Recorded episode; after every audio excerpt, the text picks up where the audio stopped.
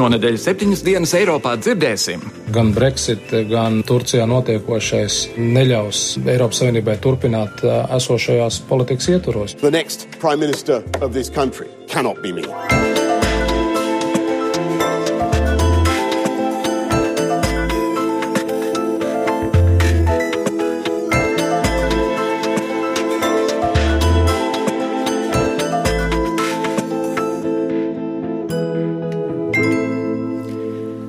Labdien, Latvijas radio klausītāji! Sāk savu skanējumu raidījumu septiņas dienas Eiropā, nelielas izmaiņas, kamēr kolēģis Kārlis Streips sauļojas atvaļinājumā, tikmēr uh, šo raidījumu vadīšu es Jānis Krops, un, protams, ka šīs dienas temats lielā mērā un šīs nedēļas temats vēl joprojām ir saistīts ar Lielbritāniju, ar apvienoto karalisti, gan arī ar visiem Brexit jautājumiem, politiskās vadības jautājumiem. No apvienotās karalistas galvaspilsētas Londonas ielās nedēļas nogalē izgāja desmitiem tūkstoši protestētāju pret Brexit. Viņi aicināja šo lēmumu par izstāšanos tomēr noskaidrot noskaidrot vēlreiz atkārtotā tautas nobalsošanā. Nu, savukārt arī beidzot runājusi ir Anglijas karaliene Elizabete II. Viņa pirmo reizi pēc Britu tautas pārsteidzošā balsojuma bija publiski izteikusies, un viņa aicināja tomēr saglabāt mieru un saprātu, jo tieši strauju izmaiņu laikos ir vajadzīgs tas rūpīgi izsvērtais lietu ritējums, lai gūtu dziļāku ieskatu par nākotnes izaicinājumiem. Tāpēc arī šodien raidījumā centīsimies saglabāt mieru un saprātu, jo Eiropā šobrīd nu, valda diezgan liela neziņa un neskaidrība. Turklāt Lielbritānijā vēl pēc Brexit abās lielākajās partijās ir iestājies hauss, norit cīņa tagad par politisko vadību, nu, lai arī kā šodien uzzinājām, ka uh, liel, lielākie Brexit aizstāvji apvienotās karalistas neatkarības partijas uh, cilvēki ir nolēmuši arī atteikties no savas cīņas par iespējamo valdības vadīšanu. Naidžels Farāšs, šīs partijas vadītājs, ir pateicis, ka atkāpjas no partijas vadītāja amata līdz līdz ar to viņš arī rudenī par premjerministru pat gribot nevarētu vairs kļūt. Nu, vēl spriedīsim arī, kāda dažāda Eiropas nākotnes varianti šobrīd virmo gaismā un kam vispār tie būtu izdevīgi.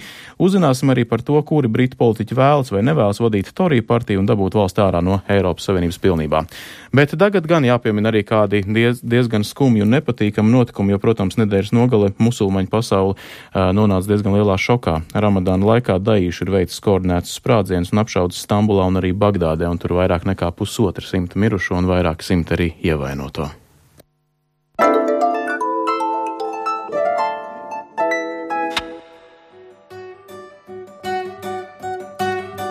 Pirms nepilnas nedēļas Stambulas Ataturka lidostā rīkotajā teroraktā bojā gājušo skaits pieaudzis līdz 45 cilvēkiem, bet ievainojums guvuši vairāk nekā 200.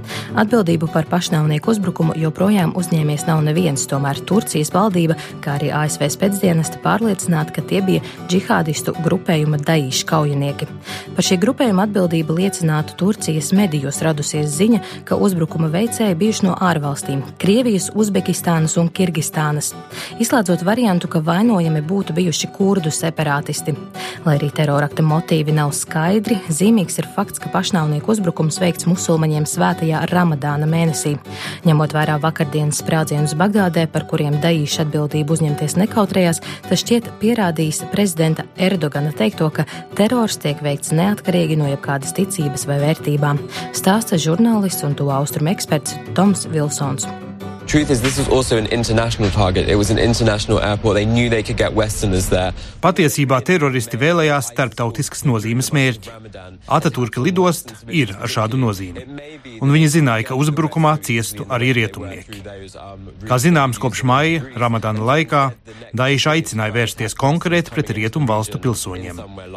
Iespējams, ka Daīša izvēlējās Stambuls lidost, jo viņiem vairs nav pieejami ierastie maršruti uz rietumiem caur Grieķiju, un tādēļ alternatīva ir uzbrukt uzbrukt rietumniekiem, kas uz reģionu ieceļo caur šejieni. Tomēr viņi nav uzņēmušies atbildību par uzbrukumu. Kopš pagājušā gada janvāra Daesh ir veikuši septiņus teroraktus Turcijā, par tiem neuzņemoties atbildību. Tādēļ ir pamats uzskatīt, ka arī šo teroraktu veicis tieši Daesh. Daesh pavisam noteikti nav pozitīvi noskaņot pret Turcijas valdību. Viņu izpratnē Turcijas valdība nav islāmiska. Turcija ir sabiedrotā ar rietumiem un ar NATO. Turklāt jāpiebilst, ka Daesh tieši Turcijas robežās visbiežāk atrod jaunus kaujiniekus, kā arī nodarbojas ar naftas kontrabandu. Ir jāņem vērā, ka Turcijas valdība pēdējā laikā pret viņu darbībām ir stingri vērsusies un liegus Daesh šādas iespējas. Tādēļ papildus rietumvalstīm viņi noteikti vēlas izrēķināties arī ar turkiem.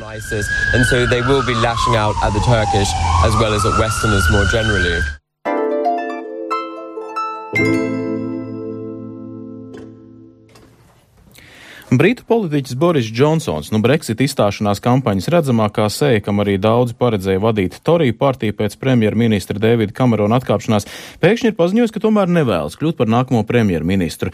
Varētu teikt, ka ļaudis tagad šokā, saka pats ķēzu ievārījis, bet no nu īsti netaisās to izstrept. Un te pēkšņi tieslietu ministrs Maikls Gous Lielbritānijā, nu, kas ir Džonsona labā roka bijis, vairāk nekā pusgadu visiem stāstīja, ka partijas vadība un līdz ar to arī premjera krēsls viņu neinteresējot, pēkšņi atklāja, ka piespiedu kārtā kārtā. Viņam tomēr jābūt gatavam uzņemties atbildību un galvenais arī valdības vadību. Džonsona māsa Reičela savā iknetē ir savījuši šlējā ir devusies pret uzbrukumā, sakot, ka Maikls esot Borisam iegrūdis duncerībās. Viņš pagrūda Džonsonu zem autobusu, pārbraucis vairākas reizes pāri un pēc tam vēl paziņojis, ka tagad, diemžēl, viņam nāks uzņemties partijas vadību. Lūk, kāda retorika Lielbritānijā un vairāk par to, kas varētu uzņemties vadīt Toriju partiju un kļūt par jauno premjerministru manas kolēģis Ievas Valēnas sagatavotajā sižetā.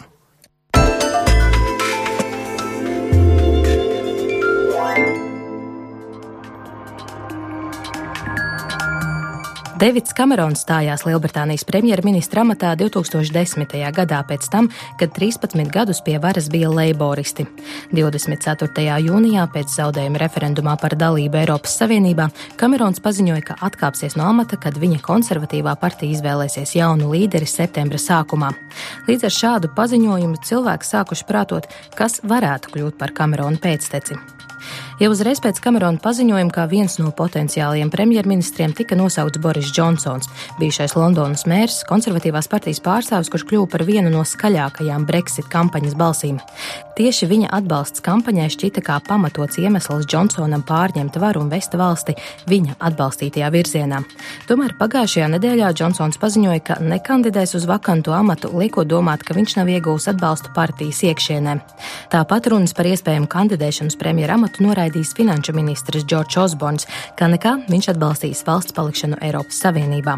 Tomēr tas nenozīmē, ka premjera krēslam nav gribētāju. Pagājušā nedēļā savu kandidatūru pieteica vairāki cilvēki. Viens no potenciāliem premjeriem ir šī brīža darba un pensiju ministrs Stefans Kreps. Dzimis Skotijā, uzaugusi šķirtā ģimenē un daudz runājis par savu personīgo pieredzi ar pabalstiem un to, kā tie palīdzējuši izdzīvot. Šo punktu daudzi viņa partijas pārstāvji uzskata par ļoti simpātisku, jo tas veido labu kontrastu ar konservatīvās partijas privātu skolu audzēkņiem pirmajās rindās.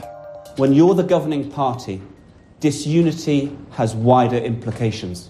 Kad es valdošajā partijā, šķelšanās sakas ir plašākas, un kad es skatos savu partiju un domāju, kurš to visu izdarīs, kurš izveidos visspēcīgāko iespējamo platformu, uz kuras bāzes mēs spētu piepildīt to vairākumu Lielbritānijas iedzīvotāju vēlmi izstāties no Eiropas Savienības, es neredzu nevienu, kuri doti neapšaubām atbildi. Un šodien es šeit stāvu, lai būtu partijas līderis, lai būtu premjerministrs. Es mīlu savu valsti, es mīlu savu partiju, un mana pieredze ir mans ekipējums šim ļoti sarežģītajam darbam. I love my country, I love my party. These equip me for what is an incredibly difficult job, especially at this time. Krebam līdzās stājas veseli četri konkurenti. Viens no viņiem - bijušais aizsardzības ministrs Lēms Foks, kuram savs amats bija jāpamet pirms pieciem gadiem, jo viņš ļāva savam draugam Adamam Veritijam kļūt par neoficiālu padomnieku, kā arī atļaut dzīvot savā Londonas mājā bez īres maksas. Šobrīd savā nulle uzsāktajā cīņā par Toriju līderu amatu viņš norāda, ka bez Brexit viņu interesē Lielbritānijas veselības aprūpas sistēma, jo viņš pats pēc izglītības ir mediķis. Jāpiebilst, ka šī nav pirmā reize, kad Foks mēģina iegūt Toriju līderu amatu. 2005. gadā viņš nesekmīgi kandidēja konservatīvās partijas līdera vēlēšanās. Abiem kungiem pievienojas tieslietu ministrs Maikls Gous, kurš bija Borisa Džonsona labā roka Brexit kampaņas laikā. Tomēr pēc tam, kad rezultāti tika paziņoti, Gous saprata, ka Džonsons nav īsti piemērots premjeramatam. And I also thought, can I recommend to my friends that this person is right to be prime minister? Vai es tiešām varu ieteikt saviem draugiem Borisu kā piemērotu premjera amata kandidātu? Daudz no maniem draugiem teica, Ron, mēs esam pārliecināti, ka tu esi labāk piemērots. Tev ir pieredze valdībā, mēs ticam, ka tava vīzija šai valstī ir pareiza. Es pārdomāju viņu sacīto. Es reflektēju arī par to, ko es esmu redzējis pēdējo nedēļu laikā, un nolēmu, ka man ir jākandidē. Bet Borisam ir jāpiet malā. I should stand and that Boris should stand aside. Gaus bieži raksturots kā ļoti patīkams, pieklājīgs un komunikabls, un kā nu ne, savu karjeru sācis BBC, vēlāk rakstījis un kļūst populārs ar savu sleju laikrakstā The Times. Gaus parlamentā ievēlēts 2005. gadā. 2010. gadā Davids Kamerons viņu iecēla par izglītības ministru, bet par tieslietu ministru Gaus kļuva pēc tam, kad Kamerons mēģināja uzlabot Toriju tēlu, rotējot konservatīvās partijas ministrus. Savu kandidatūru pieteikušas arī divas dāmas, un The Guardian ziņo, ka galvenā cīņa būs tieši viņu starpā. Viena no viņām - Lielbritānijas enerģijas un klimatu pārmaiņu ministre Andrija Lecoma. Arī Lecoma pārstāv to Toriju pusi, kas kampaņas laikā slēdzās aiz Borisa Džonsona un atbalstīja valsts izstāšanos no Eiropas Savienībām, bet pēc Džonsona lēmuma nekandidēt uz partijas līderamatu pati arī ir gatava valsti stūrēt tautas vairākuma norādītajā virzienā. Lecuma politikā ir visnotaļ īsu laiku, mazliet vairāk nekā sešus gadus, tomēr kāpusi pa karjeras kāpnēm ļoti strauji. Pirms ienākšanas politikā viņa vairāk nekā 25 gadus strādājusi banku un finanšu sektorā. Daudzi viņā saskata Margaritas Tečeres dzels lēdijas garu. Otra dāma ir iekšlietu ministra Terēza Meija, kura aizstāvēja palikšanu Eiropas Savienībā, tomēr pēc balsojuma norādīja, ka Brexit nozīmē Brexit un vēlētāju balsojums ir jāciena. I know some politicians seek high office because they're driven by ideological fervour. Es zinu, ka ir politiķi, kuri vēlas ieņemt augstus amatus dēļ ideoloģijas, citi dēļ slavas vai ambīcijām. Mani iemesli ir daudz vienkāršāki. Es uzaugu vietējā vikāra ģimenē, mans vectēvs bija armijas galvenais seržants. Kalpošana sabiedrībai ir daļa no manis tik ilgi, cik vien spēju atcerēties. Public service has been a part of who I am for as long as I can remember. Meija jau sešus gadus ir iekšlietu ministre, kas ir neparasti ilgs laiks. Parasti šo amatu pamet krietni ātrāk. Arī viņā daudzi saskata dzelzs lēdiju. Meijai ir krietni lielāka politiskā pieredze nekā Lecumai. Viņu parlamentā pirmo reizi ievēlēja 1997. gadā. Tiesa, iespējams, ka daudzi viņas partijas biedri nav aizmirsuši viņas teikto 2002. gada partijas konferencē, ka viņi ir šķebinošas partijas biedri. Viņa arī aicinājusi Lielbritāniju izstāties no Eiropas cilvēktiesību konvencijas. Šo ideju gan viņa solīja atmest, ja kļūs par premjerministri. Pirms politiķas karjeras Meija strādāja Anglijas bankā. Brexit vēji sašūpojuši arī Leiboristu partiju. Parlamenta apakšpalātā deputāti izteica neusticību partijas līderim Džeremijam Korbinam saistībā ar viņa rīcību kampaņā pirms referenduma. Leiboristi atbalstīja valsts palikšanu Eiropas Savienībā, taču tās līderis Korbins arī kampaņas laikā saglabāja zināmu skepsi. Balsojums gan nav saistošs un pagaidām Korbins atkāpties neplāno. Korbins arī atteicies tikties ar Leiboristu deputātu līderi Tomu Vatsonu. Kā vietējiem medijiem pavēstījuši avoti, izvairīšanās no šīs tikšanās ir tādēļ, lai Vatsons nepiespiestu Korbinu atkāpties. Protams, līderu cīņu storija partijā ir daudz nozīmīgāks, jo tieši viņu līderim būs jāuzņemas Britonu vientuļā kuģa stūrēšana prom no vecā kontinenta.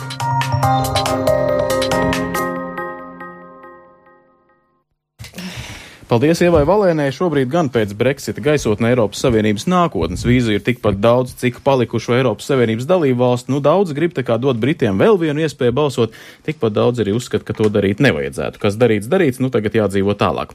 Polija uzstāja, ka ir pienācis laiks pārakstīt Lisabonas līgumu. Čehija atkal pieprasa Eiropas komisijas prezidentam Žanam Klodam Junkaram atkāpties par to, ka viņš vispār pieļāva kaut ko tādu kā Brexit. Eiropas Savienības dibinātāja valsts sešnieks atkal šķiet vēl aizvien vēlas ciešāku Eiropu vai Eirozonas valstu federatīvu saplūšanu, tikmēr Briti atkal cer izdiņģēt sev Norvēģiju plus variantu. Tā būtu tāda pieeja brīvajam tirgum bez visiem pienākumiem. Nu, lai apspriestu, kādi ir tie šobrīd dažādi Eiropas nākotnes scenāriju varianti un galvenais, kam tie ir izdevīgi, esam studijā aicinājuši mūsu viesus Rīgas Stradiņu Universitātes Eiropas studiju fakultātes politikas zinātnes katedras vadītāju profesoru Ilgu Kreitus. Labdien! Labdien! Un arī Latvijas ārpolitikas institūta direktoru vietnieku Kārlu Bukovsku. Labdien! Labdien! Nu, Es nezinu, šodien tās ziņas, ka Naidžels Farāčs ir atkāpies pēc tā Brexit, neizskatās, ka nelaime ir lielāka nekā visi to bija gaidījuši. Nē, es gribētu teikt, ka man šķiet, ka šobrīd patiešām pienācis tas brīdis, kad visiem vajadzētu ievilkt elpu, mazliet apskatīties riņķī, nomierināties un sākt realizēt, skatīties to situāciju, kāda ir. To, ka nomainās partija politiskie līderi pēc tam, kad ir notikums noticis, tas ir pilnīgi loģiski, jo šobrīd ir jāsaskaņo kopā ko gribēja, kas notika un kas realitātē būs jārealizē. Trīs lietas, jā, kas ir. Un šeit varbūt ir tāda laba lieta, kas, manuprāt, no kā vajadzētu mācīties Latvijas politikā, partiju līderiem un tādiem, tad, kad tas, ko tu runāji, ir devis rezultātu, bet tas nesaiet kopā ar to, ka pēc tam realizēsi, ka partijas vadītājs aiziet no sava amata vai noņem, nu, kā, kā Boris Džonsons noņēma savu kandidatūru no potenciālā vadītāja. Tātad varētu teikt, ka tā ir zināma atbildības uzņemšanās par to, ko tu esi izdarījis. Jo šī jūs... aiziešana, tas, tas, tas, kā tas var izpausties. E, tikai otra lieta ir, kāda būs tālākā partijas iespēja un atbildība par to, ko priekšsēdētājs ir, nu, neteiksim tā sastrādājis, tā varbūt politikā neliet lietošā teiciena, bet praktiski patiešām, ko ir sastrādājis, daļēji savas personīgo ambīciju dēļ un sava personīgā tēla izcelšanas dēļ, kā to vērtēs tālāk partija. Tas jau ir, tas jau ir cits jautājums, bet es domāju, ka Britiem ir tas brīdis, kad, kad varētu realizēt, un arī Eiropas Savienībai vajadzētu realizēt pret Britiem, kā kādreiz teica, ievērosim Angļu mieru. Man šķiet, ka šobrīd šis teiciens par angļu mieru kaut kur ir pazudis un ka viņu vajadzētu reanimēt šī darbībā. Bija labs joks par angļu mieru, vai jūs teicat, dzersiet, nē, Lielbritānija ir iestājusies anarhija. Bet uh, atkal skatoties, nu, piemēram, nu, mēs runājam par Eiropas Savienības institūcijām šoreiz vairāk, uh, vērojot to, kas notiek Lielbritānijā. Kādai būtu jābūt to institūciju reakcijai, vai tā ir bijusi pietiekami adekvāta šobrīd tāda, nu, diezgan vēsa pasakot, nu, tad stājieties ārā. Nu, tā ir reakcija, kuru principā ir visracionālākā un visloģiskākā. Jūs pastāvīgi esat kritizējuši, jūs esat pastāvīgi skatījušies uz uh, Eiropas Savienības projektu kā kaut ko, kas jums ir nelīdz galam pieņemams, tostarp arī panākuši vēl šī gada sākumā vienošanos, ka tas pats Ever Closer Union uz Lielbritāniju pat neatiecās, nu tad šeit ir principā šāda situācija. Nu, jums ir cilvēki pateikuši, ka viņi tā kā nevēlas būt, nu tad lūdzu stājieties ārā. Nu, tā, ir, tā ir jūsu izvēle, ko jūs esat izdarījuši. Nu, principā, ko tad šajā gadījumā teikt? Nē, ziniet, pārdomājiet, jaukties iekšā un teikt, ziniet, taisiet jaunu referendumu, teikt, nu, neņemiet vērā cilvēku balsojumu. Nu, tas būtu tas, ko varbūt tās īstenībā liela daļa Eiropas Savienības institūcija tieši tāpat kā arī dalību valstis. Tā dzirdēju, jūs minējāt ļoti daudz Eh, izteiciens, kas ko ir gribējuši, bet nu, tās ir atsevišķi partijas, atsevišķi politiķi, kas to ir teikuši. Tās nav valsts oficiālās pozīcijas. Nav tā, ka Čehija ir oficiāli pieprasījusi Junkeram atkāpties. Nu, tas tā nav. Un kaut kā tomēr ir. Jāmēģina nodalīt atsevišķu, atsevišķu oriģinālo autoru idejas no, no, no tā politiskā procesa, kas notiek. Un šajā gadījumā nu, tas ir acīm redzami, ka e, Eiropas Savienības institūcijām katra vēršas savā veidā. Konkrēti par Junkeru kungu runājot, nu, tur, protams, Vienmēr ir jautājums, vai tā ir vienkārši tikai profesionāla pozīcija šajā jautājumā, vai viņam patiešām bišķi joprojām kremta tā situācija, ka viņi tad, kad viņš bija kļuvis par pirmo faktiski pēc jaunās sistēmas ievēlēto Eiropas komisijas prezidentu. Nu, respektīvi, tā sistēma bija sarežģītāka. Bet, nu, fakts kā tāds, ka Eiropas parlamenta vēlēšanās viņa partija uzvarēja ar viņu priekšgalā, viņam tā kā vajadzēja kļūt. Un tad tomēr Lielbritānija ar Kameronu kungu priekšgalā mēģināja šo te jautājumu apstrīdēt. Tā kā varbūt tās, ka viņam maziņš, maziņš grūzis tomēr ir uz to. Individuāli. Jā, bet es gribētu piebilst, ka tas tomēr nav tik vienkārši, ka tas ir appusējs process. Un šī Eiropas, nu, pa Junker kungu runājot, man viņš šķiet, nu, es negribu teikt, ka katrai struktūrai jābūt, katram galmam ir savs uh, āksts, ja es negribētu Junker kungu pa ākstu nosaukt, pasarg Dievs, bet to, ka viņa izdarības un viņa attieksme tomēr arī reizēm sāsina situāciju, tas ir nenoliedzami, jo viņa uzvedība neatbilst tam statusam, kurā viņš atrodas. Nu, man visvairāk šokēja tā viņa bučošanās mānija, ja tas kaut kur atgādina tos laikus, ko es ļoti labi atceros, ja, un šī bilde Brežņevam Honekeru, kas ir kļuvusi par tādu vēstures klasiku, ja, tad Junker kungs laikam pretendē uz šo klasiku. Un šīs, saprotiet, tā ir tāda mazliet mazliet apvainot, nu, varētu teikt, jā, kā Kārlis teica, atspēlēšanās. Tu negribēji mani, tagad es tev pasaku, ja tu esi gājējis, tad ej.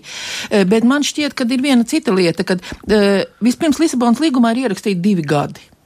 Ja tā situācija, un, un es nezinu, ko domāju tajā brīdī, kad rakstīju šos divus gadus bez mehānismām apakšā, kā to realizēt, e, ka tajā brīdī rakstītāji domāju vienu, nekad tas dzīvē praktiski nebūs jārealizē. Nu, mēs jums ierakstīsim tā kā PSRS konstitūcijā, kad kā iestāties padomju savienībā, visi zināja, bet kā izstāties, lai gan konstitūcijā bija ierakstīts pants kad var izstāties no padomju savienības. Un tad mēs redzējām, kas notika, ka mēs gribējām izstāties. Un šeit man šķiet, ka ir notikusi tāda līdzīga spēle, ka nemācījās no vēstures, ierakstot šos divus gadus un neizstrādājot blakus mehānismu, kā mēs tagad teikt, ministra kabineta noteikums, kā tas process notiekās. Bet ir vēl viens faktors, tomēr šā bezkritiski sakot, kad, nu, ejiet un stājieties un tādu, vai tomēr netiek sāsināts šis jautājums un netiek piespēlēts uh, Eiropas Savienības skeptiķiem un radikāliem spēkiem citās valstīs. Jo, ja arī Eiropas Savienība skatītu pati, es nesaku, viņai jāsaka kādas kļūdas vai, vai ko pret eh, Angliju, bet arī sevi iekšēji mēģināt šobrīd reorganizēt tā, lai citi dzird, lai arī mēs kā vēlētāji dzirdētu, kas tur mainās. Tas ir, kas cilvēkiem ļoti uzkrīt, tas ir šis mūžīgi diskutējamais Strasburgas jautājums un Strasbūras jautājums. Uh, labi, ļoti jauki, tā ir šī strīdus pilsēta, kā arī vienmēr bijuši ap šo pilsētu, bet, kad mēs izdzirdam tās summas pie tās pilsētas, tad mēs tā nodarbināmies. Mēs jā? domājam, ka laiks to karu aizmirst. Ka laiks norakt, kara cirvi jā. norakt un labi dziļi tā, lai viņi nevar izvilkt. Tās ir tomēr šīs algas, kas ir tomēr disk, diskomfortā pret tām valstīm, no kurām nāk deputāti, jā. Tas ir pēc tam šīs sociālās garantijas, kas ir pārskatot tās, jo es saprotu, ka viena lieta tas ir, ja to skata Vācijas kontekstā, ir viena lieta, bet otra lieta, kas ir no, nu, no radikāliem spēkiem ļoti izdevīgi, ja to skata kontekstā uz tām saucamajām jaunpienākušām, tām otrā ātruma valstīm Eiropas Savienībā, jo kur vēl labāku līdzekli, kā noskaņot pret Eiropa parlamentu deputātu, ja paņem viņa finansiālos nodrošinājumus pret Latvijas pensionāru vai Latvijas strādājošo. Es saprotu, ka tas nav pareizs tāds, bet mums jārēķinās ar to, ko izmanto radikāls no Anglija pierādīja. Mums Lielbritānija pierādīja, ka radikāls izmantos visu, kas ir iespējams, lai radītu sev šo labvēlīgo situāciju. Un man šķiet, ka Eiropas Savienība šobrīd tādā pozā mazliet iestājoties, jo mani mazliet šokē vēl viena lieta. Visur parādās, Latvijai var samazināties finansējums. Latvijai var būt tas, bet vajadzētu nevis kas var būt, un nevajadzētu veidot šo tādu burbuli, ko nevar saprast, kas tur ir iekšā, bet vajadzētu jau sākt runāt par konkrētām lietām. Lielbritānijā izstājoties, mainās tas, tas, tas, nemainās tas, tas, tas. Tādā es... ziņā, lai būtu vairāk informācijas, lai Jā, skaidrība, cilvēks zinātu. Tā tad būs. Un, paši, un tas ir ne tikai no Eiropas Savienības puses, tas arī no Angļu puses. Pateikt skaidru un gaiši. Nu, nebūs jābrauc prom tam darbs spēkam. Kā es teicu, anglis ar balto apaklīti neies zivīm zviņas tīrīt rūpnīcā, bet tās zivis tik un tā būs jātīra un tirgu jālaiž. Jā? Tāpēc sakārtot šīs lietas un noņemt šo nevajadzīgo tādu sociālo spriedzi, kas cilvēkiem ļoti sarežģīja dzīvi, tīri, tīri emocionāli. Bet Šajā gadījumā, jā, laikam, jāmin, nu, katrā dalību valstī ir Eiropas komisijas un Eiropas parlamenta pārstāvniecība. Cik lielā mērā šīs pārstāvniecības dalību valstīs nu, komunicē ar iedzīvotājiem? Es nezinu, Brexit gadījumā, cik daudz mūsu pašu šeit pat uz vietas esošā šo institūciju pārstāvniecības bija aktīvas stāstīt, kas notiks, ja viņiem tas mums nebija jādara. Bet uh, man ir gluži vienkārši jautājums, vai tad mēs zinām, kas notiks, un man ir vēl papildus jautājums, lai Vai tad ir kaut kas noticis? Nu, nu, ja, ziņā, jā, ja tā nu, godīgi, tad juridiski jā. nekas, nekas nav nekas, mainījies. Lielbritānija vēl joprojām ir Eiropas Savienības dalība valsts. Uh, tieši tāpat tās mm. Lielbritānija piedalās lēmumu pieņemšanas procesā, kā viņi piedalījās iepriekš. Uh, tas, ka ir atsevišķi kaut kāda formāta, kur tiek apspriests par to, ko mums darīt, ja nu gadījumā kaut kas notiksies, bet pat tādi nav līdz galam noformalizēti tikai tāpēc, ka ir mm. skaidra un gaiša ziņa bijusi par to, kā nākamais premjerministrs nodarbosies ar šo jautājumu, un viņš tad arī attiecīgi paziņos vai nepaziņos nepaziņos. Jo viņš arī nepaziņot. Jo šajā mm. gadījumā ir bijis konsultatīvs referendums, Viņš kurā cilvēki ar mikroskopisku pārsvaru ir nobalsojuši par kaut ko. Turpat nav bijis kvalificētais vairākums šajā situācijā. Līdz ar to tur ir ļoti daudz jautājumu, un Britu iekšpolitiskā situācija šobrīd parāda, kādā hausā viņi paši sevi ir faktiski iemetuši iekšā. Jo acīm redzot, nu, ņemot vērā vienu, otru, trešu atkāpšanos, un vienu, otru, trešā šajā gadījumā, domāju, trīs cilvēki, kas principā bija tie, kas virzīja visu šo jautājumu tad beig beigās mēs nonākam pie situācijas, ka nu, viņu bedri izraka, visi ieaicināja viņā iekšā un nu, paši palika ārā stāvot. Un tad šobrīd ir jautājums par to, kā tad mēs virzīsim tālāk šo te visu procesu, Un šobrīd rēķināt par to, kas Latvijai ir izdevīgi, kas nav izdevīgi, nu, ir godīgi sakot, bišķi pārāk. Tikai no, tāpēc, jā. ka vēl nekur nav zināms, kā tas viss izskatīsies. Jo tas viss process, viņš būs vienā lielā, lielā mm, hausā un, un, un, un, un. Bet skatoties uz Eiropas Savienības institūcijām, nu, piemēram, zinot, cik radikāļiem ļoti patīk izmantot, lūk, Briti nobalsoja ārā, lūk, kā Eiropa nobijās. Nu, viņiem patīk pārspīlēt lietas. Vai nav tā, ka šīm institūcijām vajadzētu izmantot gadījumu pateikt, paskatieties, cik lielā ķezā ir iegājusi Lielbritānija, kurš vēl jā, bet es jums teikšu pretī, kādā ķezā viņa ir iegājusi. Kas tad ir noticis? Šokējošā ķezā, bet nu, vienkārši tīri psiholoģiski, kas praktiski, nu labi, pamainījās Mārciņ, Mārciņas eh, kurs, jā, tas vairāk eh, uztaisīja hausu, pie, nevis hausu, bet nobaidīja mūsu koku, kokražot, nu, koku apstrādes un koku eksportētājs, jā. Tas tos nobaidīja, jo cena tad ir Mārciņās, jā, un ja Mārciņai kurs krīt, mēs saprotam, ko tas nozīmē. Pamainījās tas, bet es saku, te, vai šobrīd mēs netaisam lielāku šo pārspīlējumu, patiešām, kā Kārlis teica, nu, paņemsim, ieraudzīsim konkrēto mehānismu. Tagad šis tiek spērts šāds solis, un tas nozīmē to. Tad tiek spērts nākamais solis. Bet mēs jau šobrīd nezinām ne to pirmo soli, ne to otro soli. Nu, vienīgi... Vajadzētu atgriezties pie šīs diskusijas uh, par re reālām tā, reakcijām, kad, tad, kad viņi būtu pabeiguši kad izstāšanu. parlamentā būs pielikusi viena puse kājās, kā tur ir, vai otra puse pielikusi kājās. Man ļoti patīk tās viņa tās protesta mm. formas, kā viņi mm. tur lēkā pa tiem beņķiem, vismaz neaizmieg. Jā? Nu, šobrīd, šobrīd, šobrīd mēs nevaram neko teikt. Brit, Anglija ir, ne, nevis Anglija, bet Lielbritānija ir Eiropas Savienības valsts.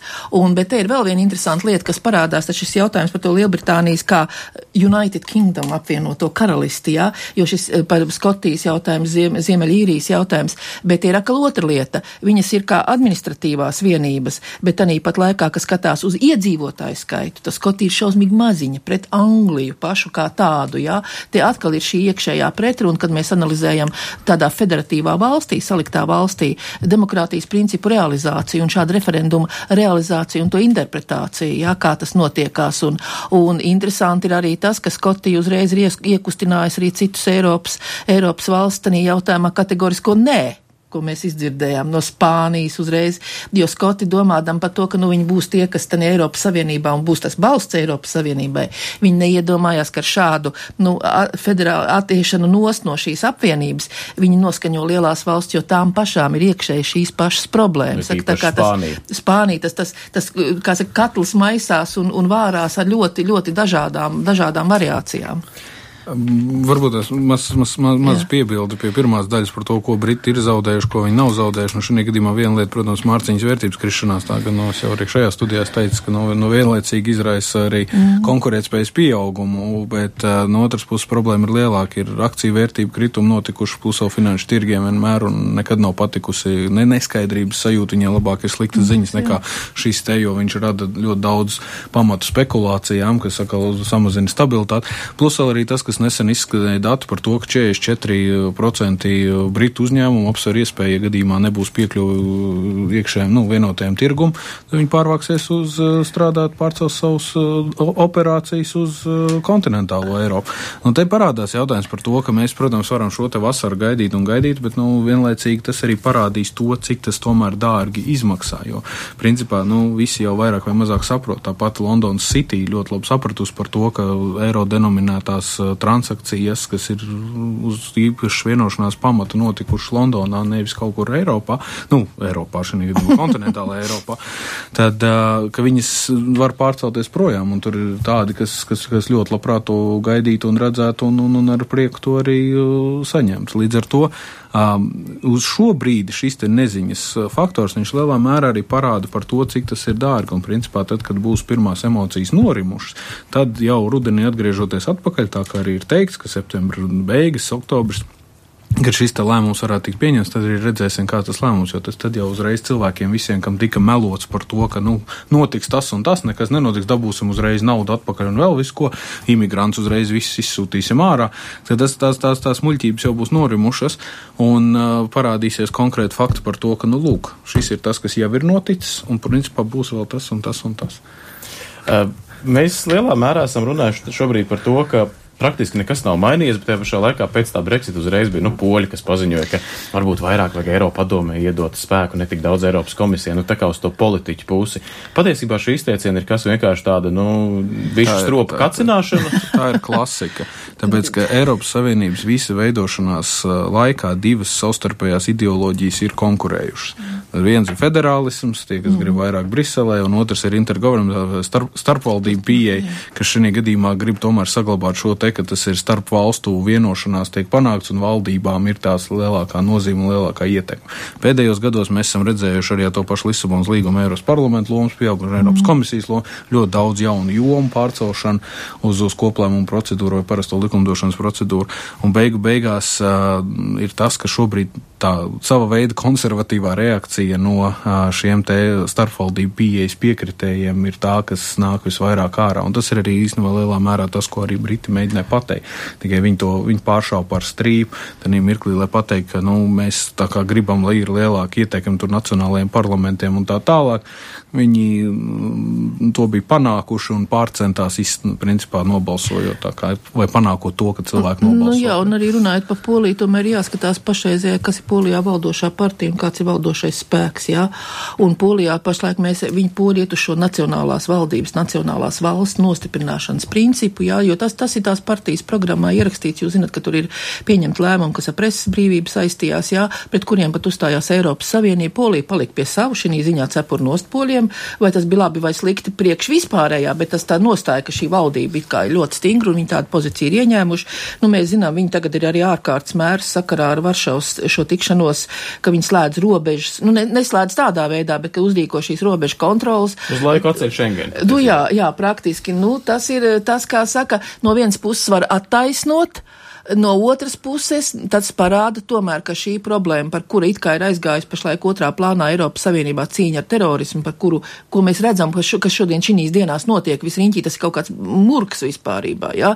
Šis drausmīgais bojā gājušo cilvēku skaits, kas nu nav tieši varbūt Eiropā, ja neskaita tā, bet kas tagad noticis Arābu valstīs, ka šis jautājums ir tā kā, nu, tad es īsti nesaprotu šo robežu slēgšanas iemeslu. Pie mums, kad bija NATO samits, tad tā kā Latvijas robežu neslēdza, cik es atceros. Kad Igauniem bija NATO ārlietu ministra tikšanās robežas bija cieta. Bet ar Latviju nebija robežas cieta. Tad, kad mums bija NATO samits, bija 2006. gads, un mēs Schengenā iestājāmies tikai 7. gadā. Tā kā nu jā, bet, bet, bet, bet, bet, tādu, bet tā, tādu, kā saka, jo es, es zinu, ko tas Eiropā, nu, nu, nu tāda, bet saprotiet, šāda prakse rada atkal jaunu spriedzi un jaunu, jaunu iespēju tiem, kas saka, ka nav šīs drošības, ka jūs nerisināt šos jautājumus, tas iedod šo iespēju runāt tagad. Ko jūs runājat par NATO spēku kaut kur izvietošanu, ja jūs savstarpēji pie šādas tikšanās slēdzat robežu un sākat kontroli? Es, es nesaku, vai tas ir pareizi vai nē, bet vienkārši atkal parādās šis arguments, ar kuru var spēlēt tie, kas apšauba šo Eiropas Savienības darbības pareizību un to, kādu, kādu principu tiek realizēti. Te ir tas tā lieta, kas ir. Tagad viens mazs knips, ka šajā gadījumā Schengene jau kā tāda netiek nekādā veidā likvidēta. Nē, nē, nē. Nu, jo, vienkārši... ja gadījumā poļiem pēkšņi liektu pieeja Schengenas datu bāzēm, tad jau būtu pilnīgi cits stāsts un gribētos redzēt, kā tad viņi tiktu ar šo situāciju galā. Jo, principā, Schengenas sadarbība jau turpinās. Viņi vienkārši mm. ievieš šo pagaidu robežu kontroli, ko Schengenas līgums paredz un, un ir atrunājis, un jau ne Poļija pirmā valsts, kas to izdara. Nē, nē, nu Dāņi taču to iztaisīja savā laikā. Dāņi, Zviedri tur, ir, tur ir bijuši. Bet tas, ko jūs pieminējat kaut vai par drošību, nu mēs šajā gadījumā arī runājam par to, ka ir vajadzīga centralizētāka tā Eiropas Savienības, nu nezinu, supervalsts vai kaut kas tam līdzīgs veidošana. Nu, tādā gadījumā, ka vai ar to drošības situāciju un izaicinājumiem šobrīd mēs tiekam galā tādā veidā, kā mēs esam.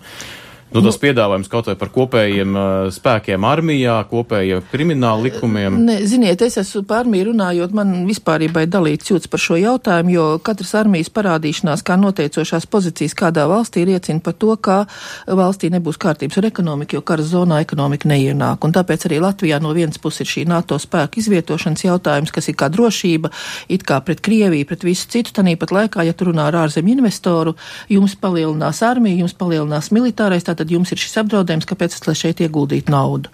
Manuprāt, Eiropas kaut kādu bruņoto spēku izveidošana, kad eksistē NATO, ja, kurā iznāk, kad ir Norvēģija un Lielbritānija NATO ir, Eiropas Savienībā nav. Tad jāsaka, manuprāt, tā ir dubultā spēle un atkal jautājums par naudu un liederību to.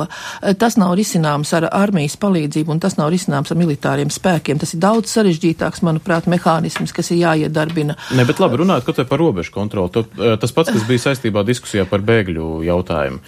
Vai tā ir tāda virzīšanās tuvāk federālajai valstī, nu kopēji kaut vai robežu sārdzība būtu? Jā, ir. Un uh, Eiropas Savienības veidošanās klasiski ir bijusi reakcija uz kaut kādām krīzēm, uz kaut kādām mhm. nepieciešamībām. Tas ir dzīves realitāte piespiež. Tieši tā, mums bija suverēno parādu krīze, banku savienības izveide, fiskālo kompaktu izveide un tā tālāk, kas viss noved pie tā, lai tā kā ir konsolidētāks un, un labāk pāraugāms šis ekonomiskais pārvaldības principu sektors.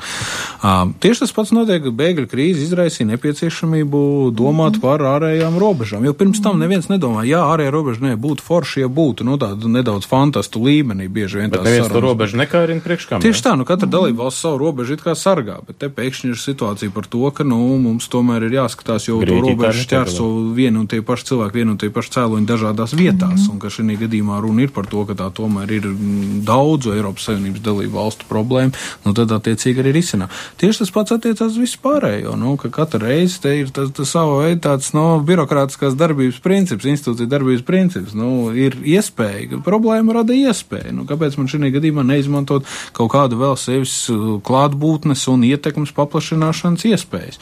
Lūk, arī federālisms, kāds viņš ir bijis. Jā, jo savādāk, manuprāt, šobrīd bēgļu problēma vispārībā nav iespējams nekur tik tālāk, jo, kā mēs redzam, šī plūsma nāk, ir it izveidot it kā kopējie spēki, arī Latvija piedalās šīs spēkos, bet tanīpat laikā, nu, pēdējā laikā neparādās šīs ziņas, jā, pēdējā ziņa, ko es lasīju, ka atrasts vraks 250 noslīkušiem bēgļiem, jā, bet tā plūsma turpinās. Tātad nav šī mehānisma, kas to var darīt.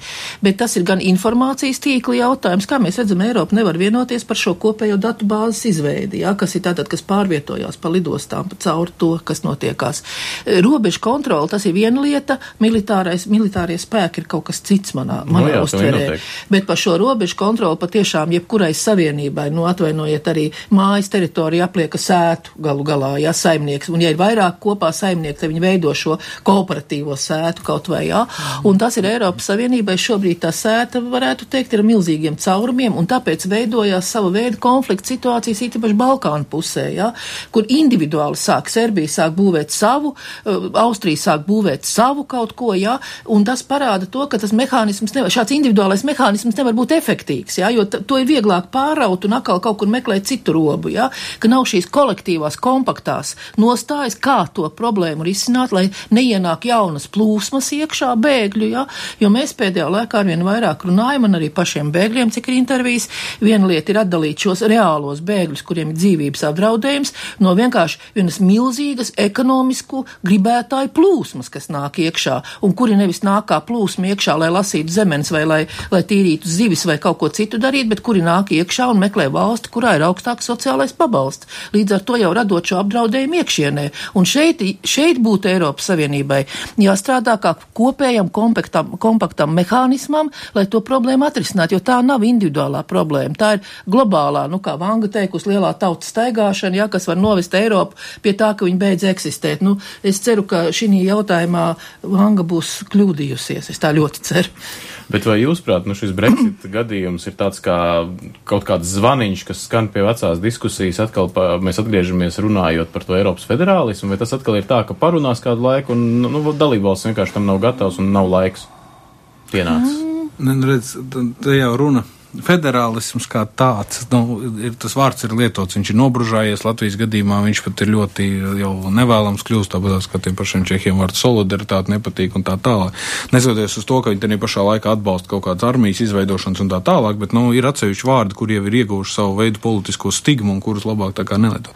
Tad te runa ir par to, ka vai mēs virzamies uz šo te federālo Eiropu vai nevirzamies, tad te ir, tas tas ir ļoti tāds komplicēts jautājums, tikai tāpēc, ka vienmēr tā doma ir bijusi par to, ka nu, mums ir Eiropas Savienotās valstis pēc ASV piemēra. Bet nu, ASV ir veidojušās pirmkārt savādāk. Otrakārt, arī tas pats pamatu pamats, kad ar demokrātiskiem līdzekļiem, birokrātiskiem līdzekļiem, miermīlīgiem līdzekļiem mēs būvējam kopīgu politisko vienību. Un tad ir jautājums par to, kuras idejas kurā mirklī dominē vairāk, kur kas jūtās, kas ir tomēr jāpatur nacionālā līmenī un kas mm. tomēr ir, ir jārisina kopējiem spēkiem. Ārējā robeža visām valstīm, acīm redzot, tomēr vajadzētu pakoordinēt tā kā kopīgiem spēkiem. Mm -hmm. Tanī pašā laikā mēs varam paskatīties kaut kādām atsevišķām lietām, kas tur mūsu, mūsu pašu deputāti noteikti negribētu, piemēram, lemšanu par budžetu atdot uh, tikai un vienīgi Eiropas komisijai. Un arī parādās jau ārpolitika. Tas arī ir tas jautājums, kas kopēja ārpolitika ļoti jauka, bet no otras puses varbūt tās tomēr mēs katrs gribam, mums ir katram savas īpatnības un tur tās viedokļi atšķirās. Tā kā līdz ar to tas process ir, nu, viņš ir daudz komplicētāks un viņš tāds vienmēr ir bijis un Eiropas Savienība pat par sevi ir tā kā tāds liels process, kurā notiek šī veidošanās. Te vienkārši jautājums ir pareizi izvērtēt to, kas mums ir kopīgi vajadzīgs un kas mums nav kopīgi vajadzīgs.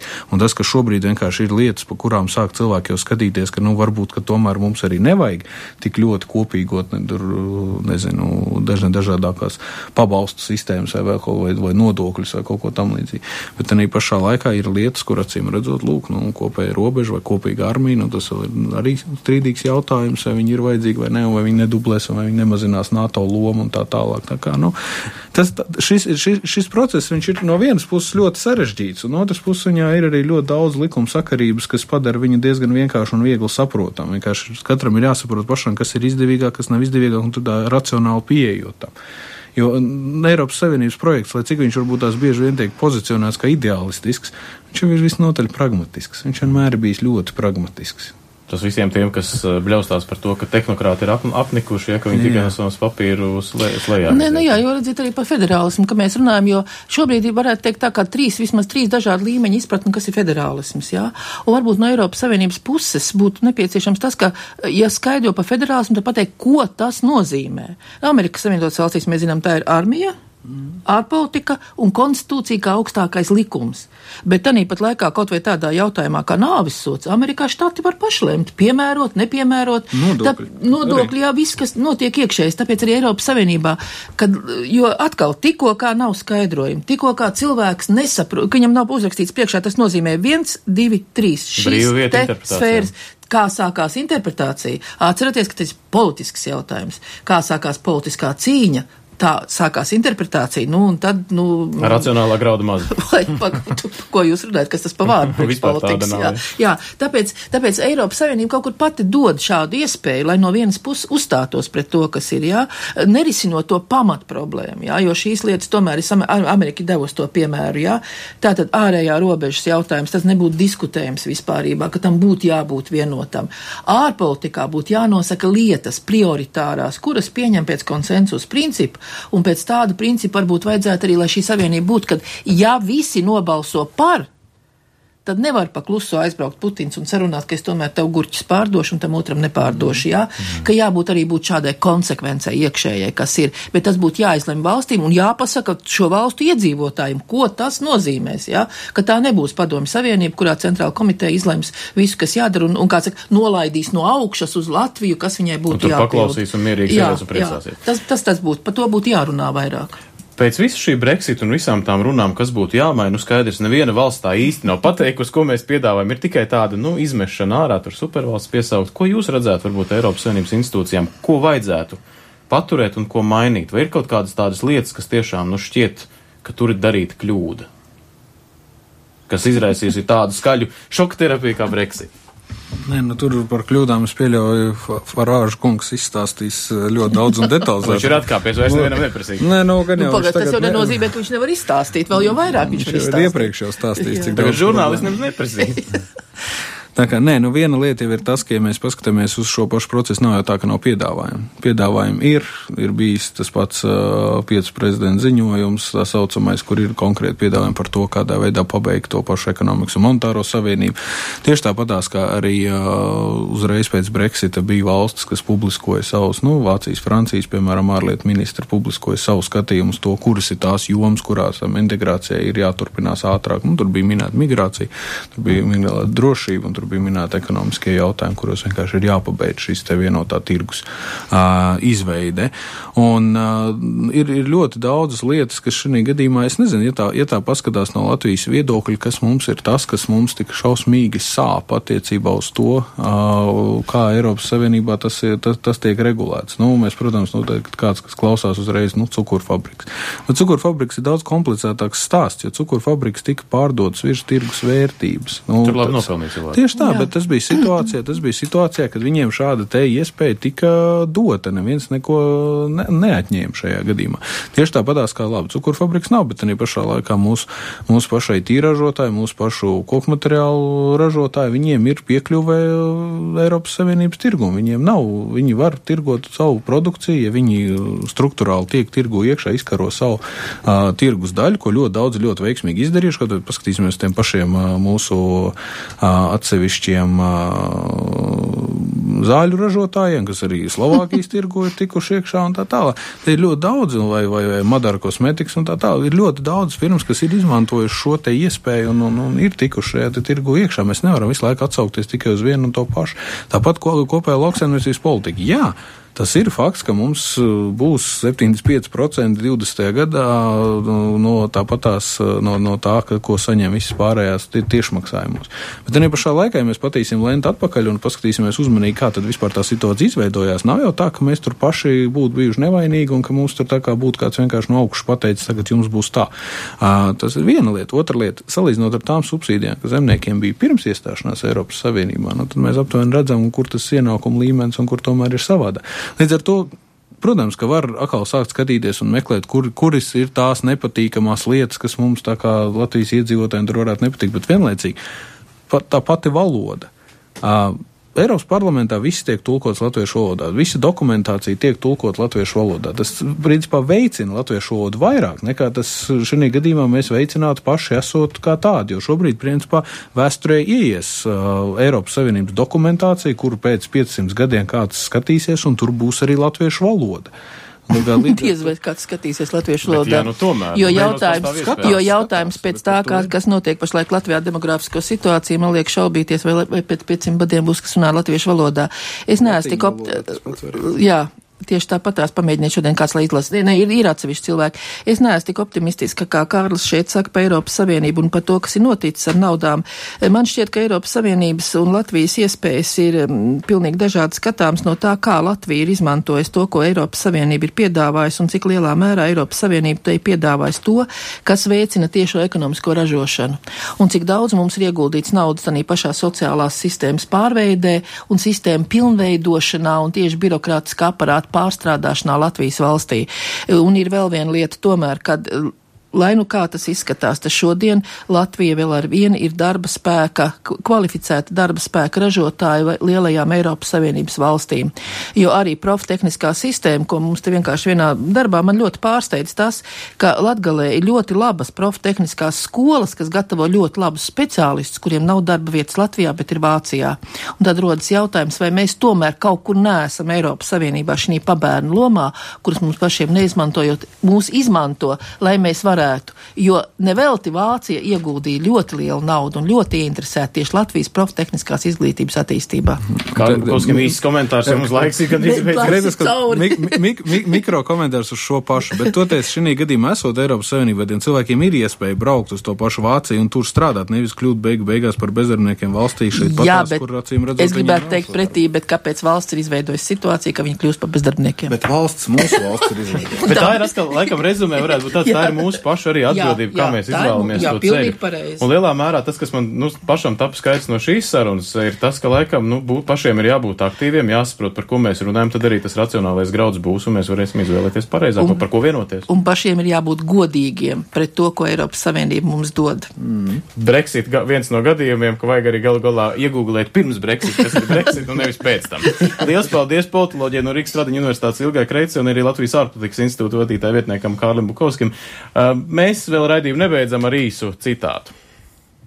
Pēc tam, kad Briti referendumā nobalsoja par izstāšanos no Eiropas Savienības, daudzi imigranti, kā arī vietējie citu rasu pārstāvji, bieži ziņo par ksenofobiskiem un rasistiskiem izteikumiem uz ielas, restorānos un citur. Policija ziņo, ka vien pāris dienu laikā pēc referenduma naida uzbrukumu skaits pieaudzis par 57%. Daudzi balsotāji iebraucējiem saka, ka viņi ir nobalsojuši par pamešanu, tāpēc iebraucējiem laiks kravāt mantas. Ziņots arī par gadījumiem, kad imigranti tiek piekāpti iekaut uz ielas. Turpina Rīgas Stradiņu universitātes profesors Denis Hanovs. Es domāju, ka pat labam ir ļoti daudz negatīvu emociju pašiem Britiem, jo šo referendumu daudzi gaidīja, bet nebija gaidījuši šādus rezultātus.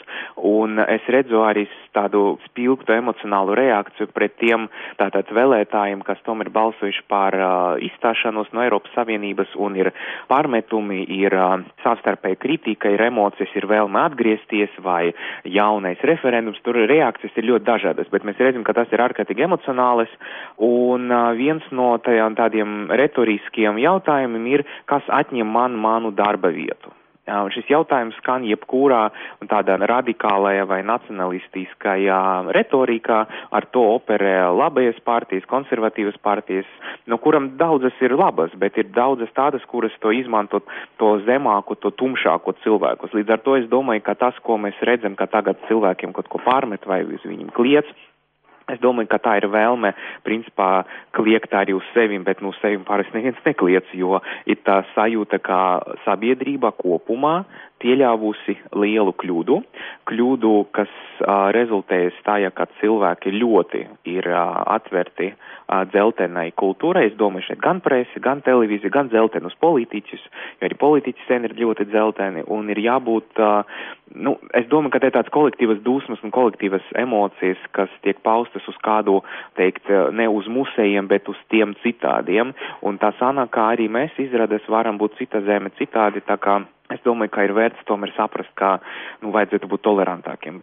Un uh, es domāju, ka šādas paģīras, par kuram runā arī daudzi mūsu politiķi uh, sakarā ar Lielbritāniju, tagad ir ļoti spilgtas, un, kā mēs zinām, šāda stāvoklī cilvēkam klājas smagi. thank you Indiešu valstsvīru un neatkarības cīnītāja Mahatmas Gandijas sacītais šķiet varētu būt vislabākais rezumē šim raidījumam, ka dusmas un neiecietība ir izpratnes lielākie ienaidnieki. Arī sarunā ar Ilgu Kreitus un Kārlu Bukovski secinājām to, ka, nu, ir jāsaprot pašiem, kurā procesā mēs esam iesaistījušies, ko mēs no tā procesa vēlamies un galu galā, kas ir pašu intereses un tad šīs intereses salāgot ar citiem. Tas, ka Briti ir nobalsojuši par Brexit, vēl nenozīmē, ka kaut kas ir mainījies. Galu galā arī paši Briti tagad pārdomās un jācer tikai, ka Lielbritānija ar to iecietību būs tā labāk, jo pēc radikāļu radikāļu uzvaras ļoti daudz tādu radikālu izliecienu ir arī parādījušies sabiedrībā. Nu, mēs tiekamies jau pēc nedēļas, ceram uz iecietību arī, un tad jau uz tikšanos.